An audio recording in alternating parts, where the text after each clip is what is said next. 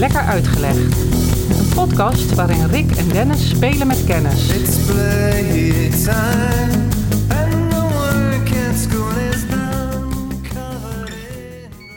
Ik ga eh, met jou even de geschiedenis in. Iets wat we natuurlijk vaker doen en wat ik in mijn leven al heel vaak gedaan heb.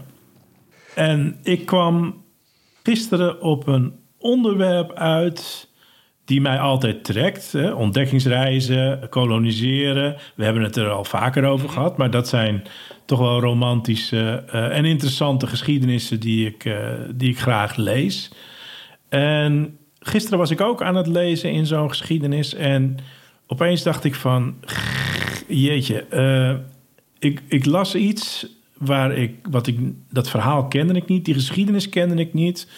Maar het zette wel een andere, voor mij heel bekende geschiedenis... in een, nou, toch wel leuk perspectief. En dat probeer ik eh, vandaag met jou eh, eens tegen het licht te houden. We zeggen, het staat in een ander daglicht. Zeg, Ja, het staat nu wel in een ander daglicht. Terwijl het zeg maar ongeveer nou, een deel van het verhaal zich afspeelt tegen een veel belangrijkere wereldgeschiedenis dan waar ik het met je over ga hebben. Het is een soort kleine, kleine wereldgeschiedenis. Maar wel leuk om in het grote perspectief eens aandacht te geven. Als je daar klaar voor bent, dan, eh, dan gaan we daar eens even over babbelen. Ga ik je wat uitleggen. Doe maar. En wellicht is het een geschiedenis die jij al heel lang kent. Ehm, dus, maar dan komt die Ja. vandaag uit de mouw. Ik verzwijg een heleboel voor jou, hè? dat weet je. Ja, ja, ja. Je moet niet alles weten. dat is niet Nou, meer je- leuk. Hey, je weet in- dat ik in mijn, in, mijn, jo- in mijn jonge jaren heb ik archeologie van Indiaans-Amerika gestudeerd. Dus ik was heel ver bezig met de Europese kolonisatie. En natuurlijk sprong daarin eh, Hernan Cortés, Columbus, eh, Pizarro, die, die sprongen eruit. Hè. De Europese kolonisatie, die geschiedenis die werd verteld, die gaat eigenlijk altijd wel gepaard met eh, uitroeien, overheersen. Hè, dat zijn tenminste de dingen waar ik in eerste instantie aan denk. Ik weet niet of dat bij jou ook zo is. Eh, ja, Het haalt in ieder geval, dat is in ieder geval wel wat de geschiedenisboeken haalt, zeg maar. dat klopt. Ik weet niet of ik het vanuit het eh, perspectief van overheersen zie. Wat Mhm. ik wel zie is, men begon de wereld te bereizen. Wij Nederlanders, Portugezen, Italianen, Spanjaarden, Mhm. aantal Engelsen. Vanuit dit idee om te weten, wat is er verder nog? En eh, ja, bij de Nederlanders zat daar ook wel handel in, denk ik, voor een. Eh, Niet alleen bij de Nederlanders hoor. Uh, Portugees, Nee, nee, nee. Spanjaarden, Nee. natuurlijk rijkdom vergaren is eh, een hele belangrijke tak daarvan. ik, misschien een consequentie was dan overheersen. Ja, en, maar ja, dat, eh, er zijn eigenlijk drie pijlers waarop die kolonisatie. eh, we hebben het nu over de 15e eeuw, laten we dat even grofweg nemen. Dat is geld, jij noemde hem, hè, handel, rijkdom vergaren. De tweede is macht, Ja. dus eh, het vergroten van je rijk. En nieuw Ja. ontdekte gebieden, die kon je je toe-eigenen en daar werd de vlag geplant, even simpel gezegd. Maar een derde pijler was ook van ontdekkingsreizen en koloniseren... was ook, en niet te onderschatten, het geloof. Hè? Geloof moest ook verspreid worden. Oh ja, ja, ja. Dus we zitten dan in een, eh, in, in een christelijke wereld in Europa... die, nou ja, die, de drang om die te laten groeien is ook enorm groot. Dus dat zijn eigenlijk de drie pijlers. Weet je, ik heb dat gevoel bij de Nederlanders minder. Maar misschien kun je mij daar eh, mij terechtwijzen en zeggen van nou, dat deden de Nederlanders ook. Dat deden de Nederlanders zeker ook. Maar bij Nederland, als we de Nederlandse geschiedenis tegen het licht houden, dan is de belangrijke drijfveer is handel. We zijn begonnen eh, om naar de oosten te varen met het idee om een graantje mee te pikken van de zo dure specerijen die hier over land naartoe Ja. gehaald werden. En die, eh, nou ja, echt peperduur, het woord zegt het al, eh, hier op de markt verschenen. Dus dat is de belangrijke drijfveer. Maar in het kielzog daarvan gingen niet alleen eh, geeltjes in eh, de boeg van het schip mee naar andere orden. Maar eh, er, gingen ook, er gingen ook religieuze mensen. Mooie verwijzing hoor, ja. Ja, naar een oude podcast. Nou ja, het is toch ook mooi dat je er ook nog wel iets van opsteekt van alles wat wij doen. En dat het ook nog wel wat blijft Ja. hangen. Nee, maar daar, ging, daar gingen ook heel veel zendelingen mee. En eh, in Nederland eh, eh, gebeurde dat ook. Maar het is minder in het oog springend. Omdat bij ons natuurlijk Gouden Eeuw, handel, rijkdom... dat heeft de overhand in de geschiedenisboeken. In ieder geval, dat is mijn referentie ook. Want als ik, ik, ik merk dat ik heel vaak dingen die ik onderzoek... bekijk in het licht van een schoolboek die ik eh, gebruik voor de klas. En dat was dus ook met deze geschiedenis, want in de schoolboeken staat dus uitgebreid de tijd van de ontdekkers. eh, eh, daar gaan we in op Machelhaas, de Vasco da Gama, Columbus en al dat soort grote geschiedenissen. En waar ik het met jou vandaag over wil hebben, is nou, misschien ook wel een, een kleine belangrijke ontdekker, Erik de Rode. Ken je die? Man, er gaat heel ver achter in mijn hoofd een soort van belletje.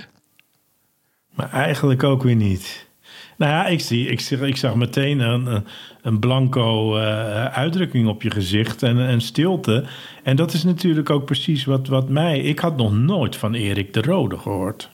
Ik ben benieuwd of als jij straks klaar bent, ik denk... Oh, wacht eens even. Maar misschien ook niet. Dus Goed, we gaan, eh, we gaan kijken. Want eh, in het kielzog eh, van al die ontdekkingen van de Europese overheersers... werd namelijk Groenland gekoloniseerd. En dat heeft alles te maken met Erik de Rode. En daar ga ik met jou naar kijken. De kolonisatie van Groenland. wauw. Ja, Oh, wacht eens even. Is Erik dan een Deen? nou, hij is een Noor. Hij is geen Deen. Hij heet natuurlijk Erik de Rode vanwege zijn eh, rode kop met haar. Ehm, hij is een Noor. Hij is geboren in 950. Dus we zijn vijf eeuwen eh, voor eh, de ontdekking van Amerika ongeveer. Door Columbus, laat ik dat er alvast bij zeggen. Maar die Erik de Rode, die, eh, ga je die googelen, dan eh, zie je dat hij eh, de stichter is van de eerste Scandinavische nederzetting op wat nu Groenland heet, is. Hij is niet echt de ontdekker, hè? Zo, zo hebben we het ook vaak over Columbus, die heeft dan Amerika ontdekt. Maar daar woonden natuurlijk al mensen, daar wonen de Mayas, de Azteken, de, noem het al die eh, teken maar op. Dat geldt ook voor Groenland. Groenland werd door de Inuit bevolkt en die leefde daar al heel lang eh, een nomadisch bestaan. We gaan eens even kijken naar eh, Erik, Erik de Rooije. Eh, ik ga het verhaal beginnen rond 950. En dat is als Erik zijn vader, Torvald Asfaltson, dus de zoon van Asfalt. Heeft hij nog wat wegen aangelegd ook zo? eh? Dat denk ik. Ik denk dat hij de eerste verharde weg aangelegd heeft in Noorwegen. en toen is hij ook... Hij heet niet asfaltzon toch? Of wel? Ja, hij heet Asfaltson. Natuurlijk met een V en zo. we kunnen de podcast even stoppen. Kan ik even Tom leggen, voor me aflachen. Nee, en vervolgens moest hij die, eh, zelf die asfaltweg ook aflopen, want hij is Noorwegen uitgeschopt. Of uitgeschopt, hij moest vluchten, want eh, hij had in Noorwegen namelijk een paar moorden gepleegd, die vader eh, van Erik. En dat betekende dat hij eh, eigenlijk het land uit werd verbannen. En daar heeft hij gehoor aan gegeven en hij heeft zijn toevluchtsoord gevonden in het noordwesten van IJsland. En dan zijn we al op een belangrijk punt. Natuurlijk neemt hij zijn zoontje Erik mee. En eh, samen belanden ze dus eh, het gezin uh, Asfaltson in, uh, in IJsland. Dat is in 950. In 982 gebeurt het volgende. Uh, dan wordt Erik, dus de zoon van uh, Torvald, uh, die wordt zelf voor drie jaar verbannen. En hij wordt ook nog eens vogelvrij verklaard. Hè, wat betekent dat iedereen hem straffeloos om zeep mag helpen. Wat niet zo'n hele fijne titel is, denk ik, die je draagt dan. Maar hij wordt verbannen uit IJsland, omdat hij zelf op dat moment ook een paar moorden pleegt. iedere keer zijn buurman naar ik heb kunnen achterhalen. Dus het is niet zo handig om naast Erik te gaan wonen, want hij heeft het als hij snel bonje met je en dan, dan treedt hij keihard op. Dus hij heeft, ik meen in ieder geval twee buurmannen vermoord. En daardoor moet hij uh, het land uit. Hij wordt voor drie jaar verbannen en vogelvrij verklaard. hij even. woont, ja, Eh, hij zit dus in IJsland. IJsland. Ja. In het uiterste westen van IJsland. Noorwegen Ja. vertrokken, moest Ja. vertrekken. En Ja. nu wonen ze in IJsland. En nu moet zijn Zoon. zoon, dus eh, Erik, moet nu Ja. ook vertrekken. Ja, die moet ook weg. Dus de fa- familie die eh, maakt er steeds wel een potje van. eigenlijk. Ja, die is toch, toch een soort van op de vlucht eh, continu. Ja, en Erik, die kon ook niet terug naar Noorwegen, want daar werd hij ook nog gezocht. Dus dat was in ieder geval niet de plek waar hij terug naartoe moet. Dus hij kon het cirkeltje van zijn vader niet rondmaken. En eh, als hij dus niet naar het eh, oosten kan, naar Noorwegen, dan blijft er nog één optie over. Als je IJsland uit wil. En dat is naar het westen. En daar vind je natuurlijk een hoop water. Maar hij eh, had gehoord eh, het, verhaal van ene Gunbjorn Ulfsson. Die is ooit, eh, zo weet de overlevering te vertellen, eh, verdwaald geraakt op zee. En dat was aan de westkust van IJsland. En op een bepaald moment heeft hij ten westen van IJsland land gezien. En eh, dat land, dat noemde hij dan iets met Gunbjörn erin, naar zijn eigen naam. Maar daar gebeurde verder eigenlijk niet zo heel veel van. Behalve dus dat Erik dat ten oren was gekomen. En hij besloot om eh, nou, dat verhaal over die Gunbjörn en zijn spotten van dat nieuwe land aan eh, ten oosten van IJsland, eh, besloot hem ertoe over te gaan om dat op te gaan zoeken.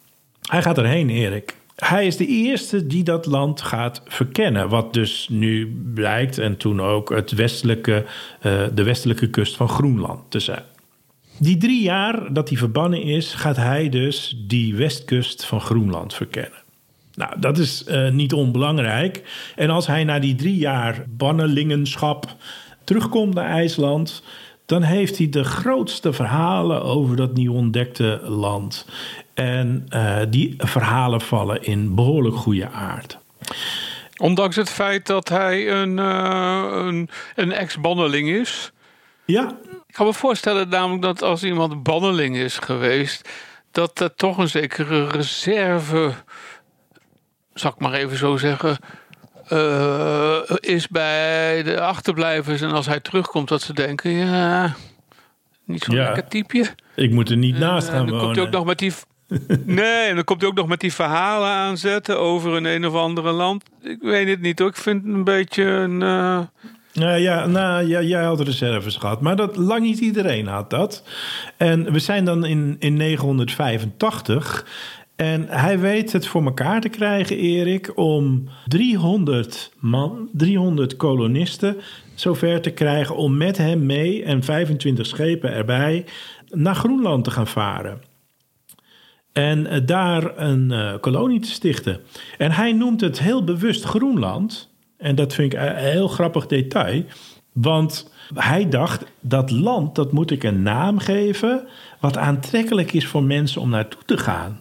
Dus dit is eigenlijk de eerste goede eh, vakantiemarketingcampagne eigenlijk. dus dat is nog even een bijkomstigheid die ik, die ik meekreeg en even meegeef. Dus eh, hij noemde dat Groenland om het aantrekkelijk te, eh, te, te laten klinken. En om mensen dus bereid te krijgen om met hem daar te gaan vestigen. Nou, dat lukt hem. Eh 300 kolonisten gaan mee, 25 schepen. Overigens komen er maar 14 van die schepen aan. Om allerlei verschillende redenen. ijsbergen. Ja, nou, sommigen die vergaan en eh sommigen gingen rechtsomkeer terug. Die vonden het denk ik toch te eng of zo. Ik weet het niet meer. Maar eh, eh, veertien ervan die, die komen aan. En met die kolonisten op die veertien schepen gaat hij eh, eh, twee nederzettingen stichten. Eén in het oosten en één in het westen van eh, Groenland. En hij geeft zichzelf ook een titel. Natuurlijk, zoals het een, een, een goed eh, eh, eh, leider betaamt. En hij geeft zich een prachtige titel. Hij noemt zichzelf de hoogste hoofdman van Groenland. Nou, dat is toch lief? Ik vind dat hartstikke lief. Ja, He- helemaal, dat, dat klinkt toch helemaal niet pretentieus of zo? nee. Nee. die, die, die, die, Die, die, die Spanjaarden die wilden meteen onderkoning zijn van het grote Spaanse Rijk toen ze de nieuwe wereld ontdekten. Nee, deze wil gewoon eh, noemen maar eh, hoogste hoofdman. Nou, hoe, hoe, hoe, hoe, verging het de kolonie? Want we zijn nu eh, de eerste stappen, heeft Erik gezet. Ehm, nou, er was, er was een hoop interesse, er was een hoop enthousiasme. En de kolonie groeit zelfs aanvankelijk tot ongeveer 3000. Dus hij vertienvoudigt in de loop der jaren. Daar moet wel bij aangetekend worden, ehm, dat gebeurde in de geschiedenis wel vaker, dat een groot gedeelte van de mensen die daar naartoe gingen ook bestond uit eh, vluchtelingen en bannelingen uit IJsland. Maar goed, dat maakt niet uit. Eh, eh, ze vonden in Groenland een plek waar ze, waar ze wilden zijn. Maar er zit natuurlijk een keerzijde aan het verhaal. Want je kan je misschien voorstellen dat het leven op Groenland helemaal niet meevalt. Als je tenminste een beetje aardrijkskundig onderlegd bent en weet eh, waar en eh, hoe het klimaat in Groenland is, dan eh, weet je dat het bar en boos is. Het is niet een plek om te gaan zwemmen in zee of lijkt mij. Nee, nee dat moet je, moet je zeker niet doen. Het grootste gedeelte van Groenland ligt onder ijs. Je hebt wat lager gelegen weidegronden. Maar dat is eh, zo schraal, die grond, eh, als je het maar kan bedenken. Dus daar iets op verbouwen. Eh, nou, jij zou er niet aan beginnen, een moestuintje. Dat is onbegonnen werk. En dat zorgt ervoor dat er dus behoorlijk wat honger is onder die kolonisten. Want ze moeten in ene moeten ze gaan overstappen op een dieet dat aanvankelijk voornamelijk uit vlees en aanverwanten bestond. Moeten ze eigenlijk overgaan, want ze jagen daar wel. Maar vlees is eigenlijk eh, heel schaars. En wat overblijft is visserij.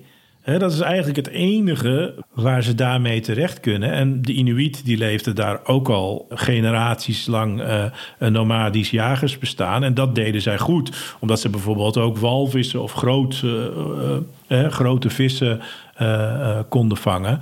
Maar die, die kolonisten die kunnen dat eigenlijk niet. En daardoor, ehm, dat is later gebleken toen ze goed bewaarde lijken van die kolonisten hebben opgegraven dat ze eigenlijk een heel schraal dieet hadden. En dat dat de mensen daar ook eh, niet heel gezond hield, zeg maar.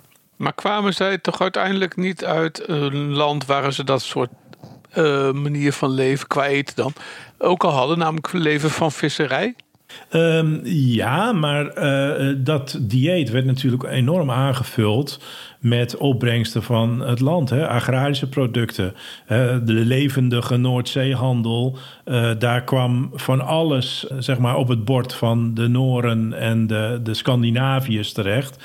Dus dat was gewoon een heel divers eh, dieet. En op Groenland bleek dat natuurlijk gewoon echt niet mogelijk te zijn. Dus het werd eenzijdig, eh, eh, schaars.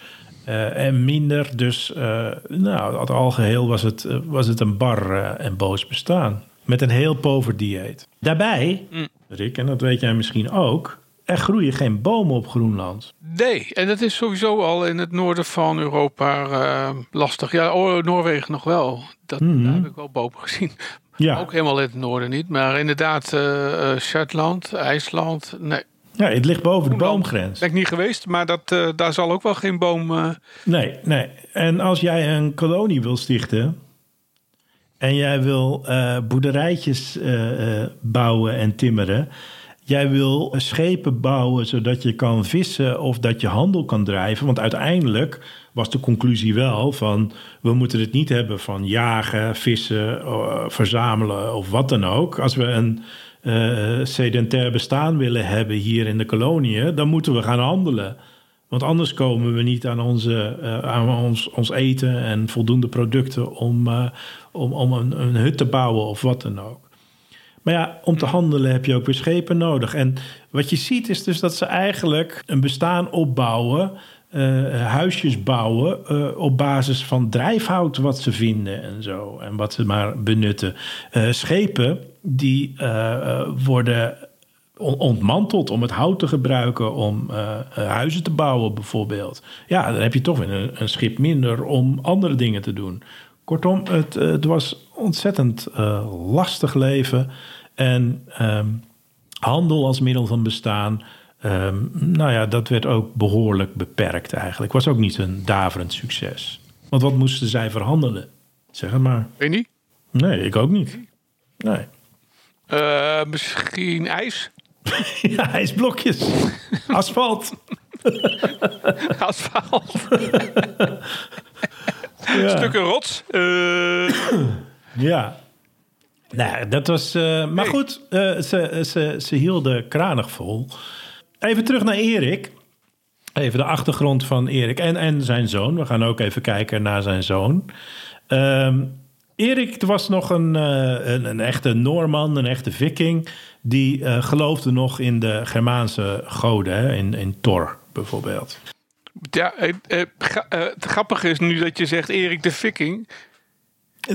ja, Is dat niet een, is dat niet een stripverhaal? Erik de Viking is een strip. Zei ik Erik de Viking? Ja, Ja, nou ja, ik, ja. jij zei Erik en, niet, en dan kort achteraan hoorde ik de Viking. Een echte, echte Noorman en een viking. Ja, dat klopt. Ja, ja, ja je hebt gelijk. Is, maar wacht eens even. Is dat Erik de Rode? Dat zou kunnen, want is Erik de Viking ook niet een roodharige... Ja, dat is natuurlijk wel heel typisch Scandinavisch ook. Hè? Dus, ja oké. maar goed, het zou kunnen. We zouden, we zouden eens even Mm. kunnen kijken of, eh, of daar een, eh, een lijntje is. Maar zijn zoon, Ja. Die ken je misschien wel. Die heet Lijf. Ja, Lijf. Erik Lijfsen. Nee. Nee, Lijf Eriksson. Want hij Oh, is, ja, nee, natuurlijk. Oh. hij is de zoon van Erik. En Erik Ja, was as, nee. asfaltzoon. Lijf Eriksson.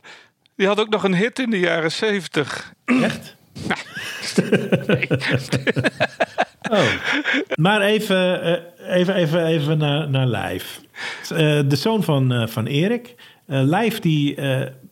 ik zei net, Erik is nog een echte Noorman. Die geloofde nog in de Germaanse goden. Zijn zoon Lijf die komt al in aanraking met het christendom. En die begint het christelijke geloof aan te nemen.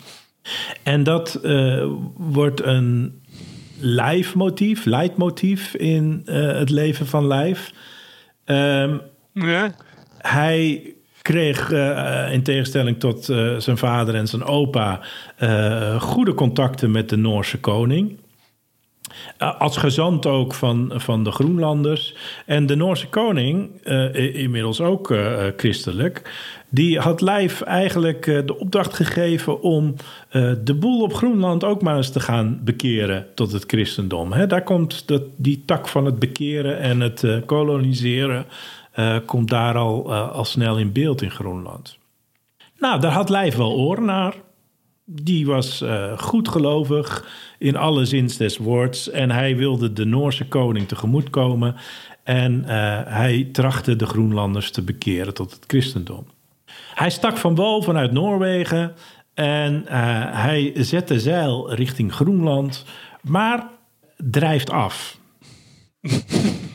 ja, ja. Niet van het geloof, maar eh, eh, uit koers. Nou ja, goed. Op een zeker moment eh, ziet hij land. En vaart aan land. Maar hij ziet dat dit niet het land is waar hij naar op weg was. Want wat ziet hij? Hij ziet granen. Hij ziet druiven. Hij ziet esdorens. Kortom, hij is ergens, hij weet niet waar, maar niet in Groenland. Hij is niet in Groenland. Nee, dat lijkt me ook inderdaad. Hij gaat aan land, neemt monsters van alles mee en gaat dan eh, vervolgens eh, terug en belandt wel in Groenland. Wat heeft Lijf nou ontdekt? Amerika. Hij is aan de Canadese kust geweest. En af, eh, die, die kust afvarende kwam hij dus eh, oog in oog met de eerder genoemde granen, druiven en esdoorns die hij vervolgens meenam. En dan zijn we dus eh, eh, vijf eeuwen ongeveer eh, voor Columbus.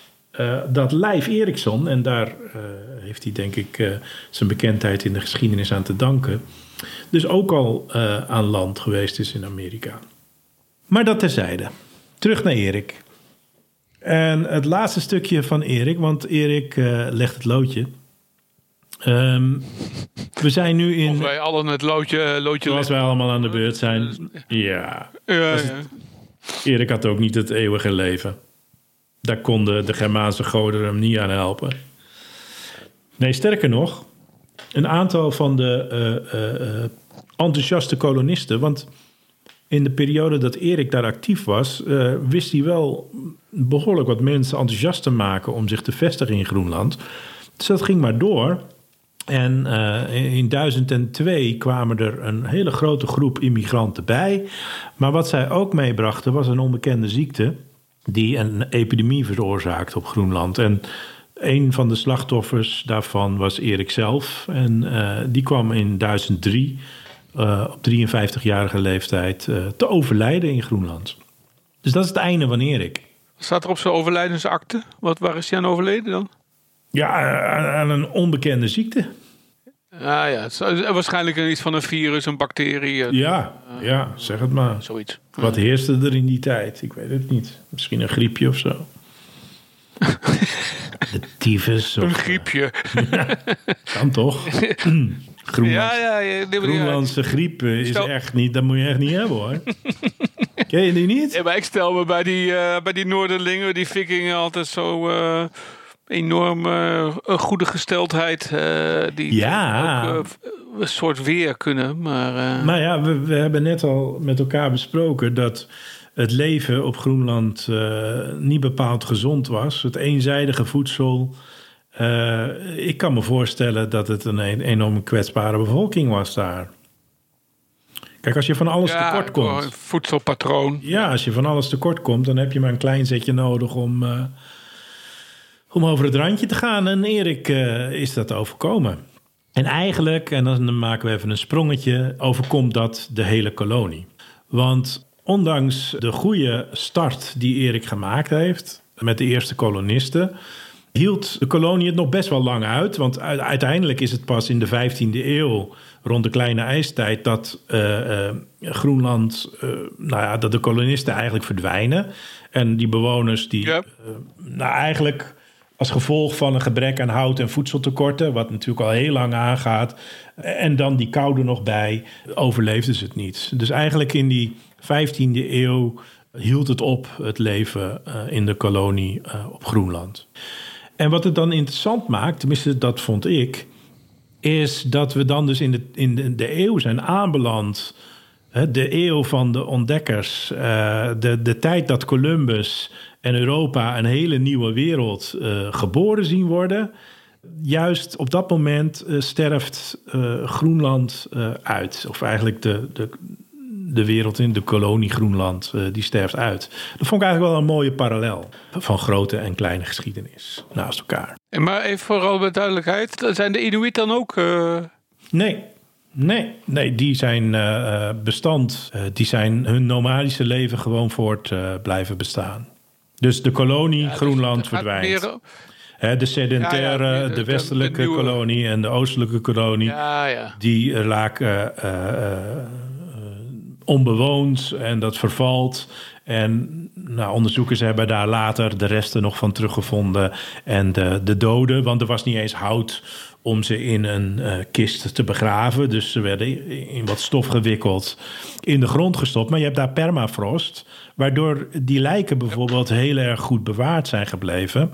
En dat is ook de reden waarom je nu heel goed kan onderzoeken en dus eh, kan aantonen dat dat hele schrale voedselpakket wat ze daar hadden, dat dat eh, eh, eh, hun onwijze parten gespeeld heeft. Dat ze daardoor eigenlijk ziek, zwak en misselijk werden en uiteindelijk het ook niet konden overleven daar. Dus dat is wel reuze interessant. We weten dit dankzij twee IJslandse saga. Het verhaal van Erik de Rode, dat is een saga op zichzelf. Maar je hebt ook nog eentje, dat is de saga van de Groenlanders. Eh, die vertelde, allebei vertellen ze natuurlijk eh, de historie van Groenland. En een saga is, eh, nou, grotendeels is verzonnen. Of tenminste staan daar onwaarheden. Fictie is, is een groot gedeelte van, van die verhalen. Maar omdat het twee bronnen zijn waarin heel veel dingen ook overeenkomen, wordt het toch algemeen aangenomen dat daar een kern van waarheid in zit. En daar is de geschiedenis die ik je net verteld heb, eigenlijk uitgedestilleerd. Zo kunnen we het eigenlijk eh, grofweg zeggen. Ja, ja. Dus eh, hier en daar, ondanks dat dat misschien niet in het dieet paste van de, de, de Groenlander, moet er een korreltje zout bij, denk ik.